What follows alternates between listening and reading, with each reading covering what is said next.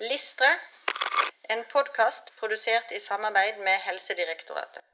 Alm 043 Selvstendig kunne skape trygge fysiske rammer som ivaretar pasientens verdighet, diskresjon, engasjement og sikkerhet. Ja, altså å ivareta pasientens engasjement. Du, eh, Ja. dette, eh, for meg først så hørtes det jo veldig ut som hvordan man skal innrede og rigge seg på kontoret.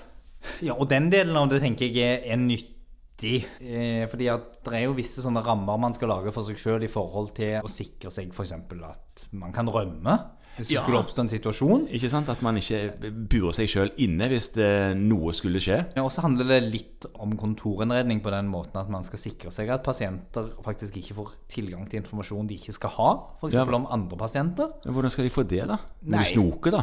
Ja, eller hvis du på en måte har plassert kontoret ditt sånn at de alltid kan lese dataskjermen din, og du tilfeldigvis har glemt å lukke ned journalen for forrige pasient. Sånn, ja. ja. Det er lurt å tenke på. Eh, At teamboken ligger åpen for alle, osv. Så, videre. Mhm. Eh, så det er en del sånne praktiske ting som ligger rundt det. Ja.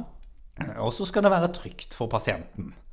Ja, eh, trygt for Altså, man eh, holder jo ikke på i allmennmedisin med kontorlandskap.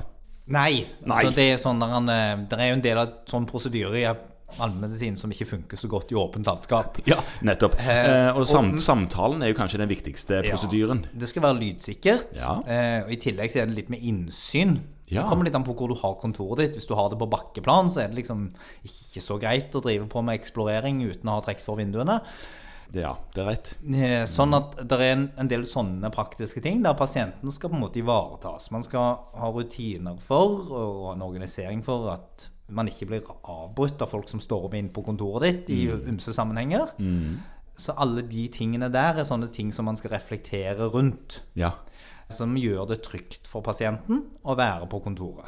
Eh, Så det er din trygghet, det er pasientens trygghet. Ja. Dette er noe man skal ta opp i felleskonsultasjoner ja. og se litt på hvordan er det man gjør dette. Hvordan henter man pasienter? Hvordan beveger pasienten seg gjennom kontoret? Hvordan sitter man?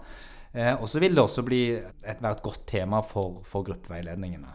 Og så handler det vel òg litt grann om eh, dette med verdighet. Og som en mannlig fastlege så er det, vet jeg, det er noen som spør yngre kvinnelige pasienter når de skal gjøre en GU, kanskje for første gang i sitt liv, om de vil ha med en kvinnelig ansatt. Det er et veldig godt eksempel på måter du kan ivareta pasienten på. Ja.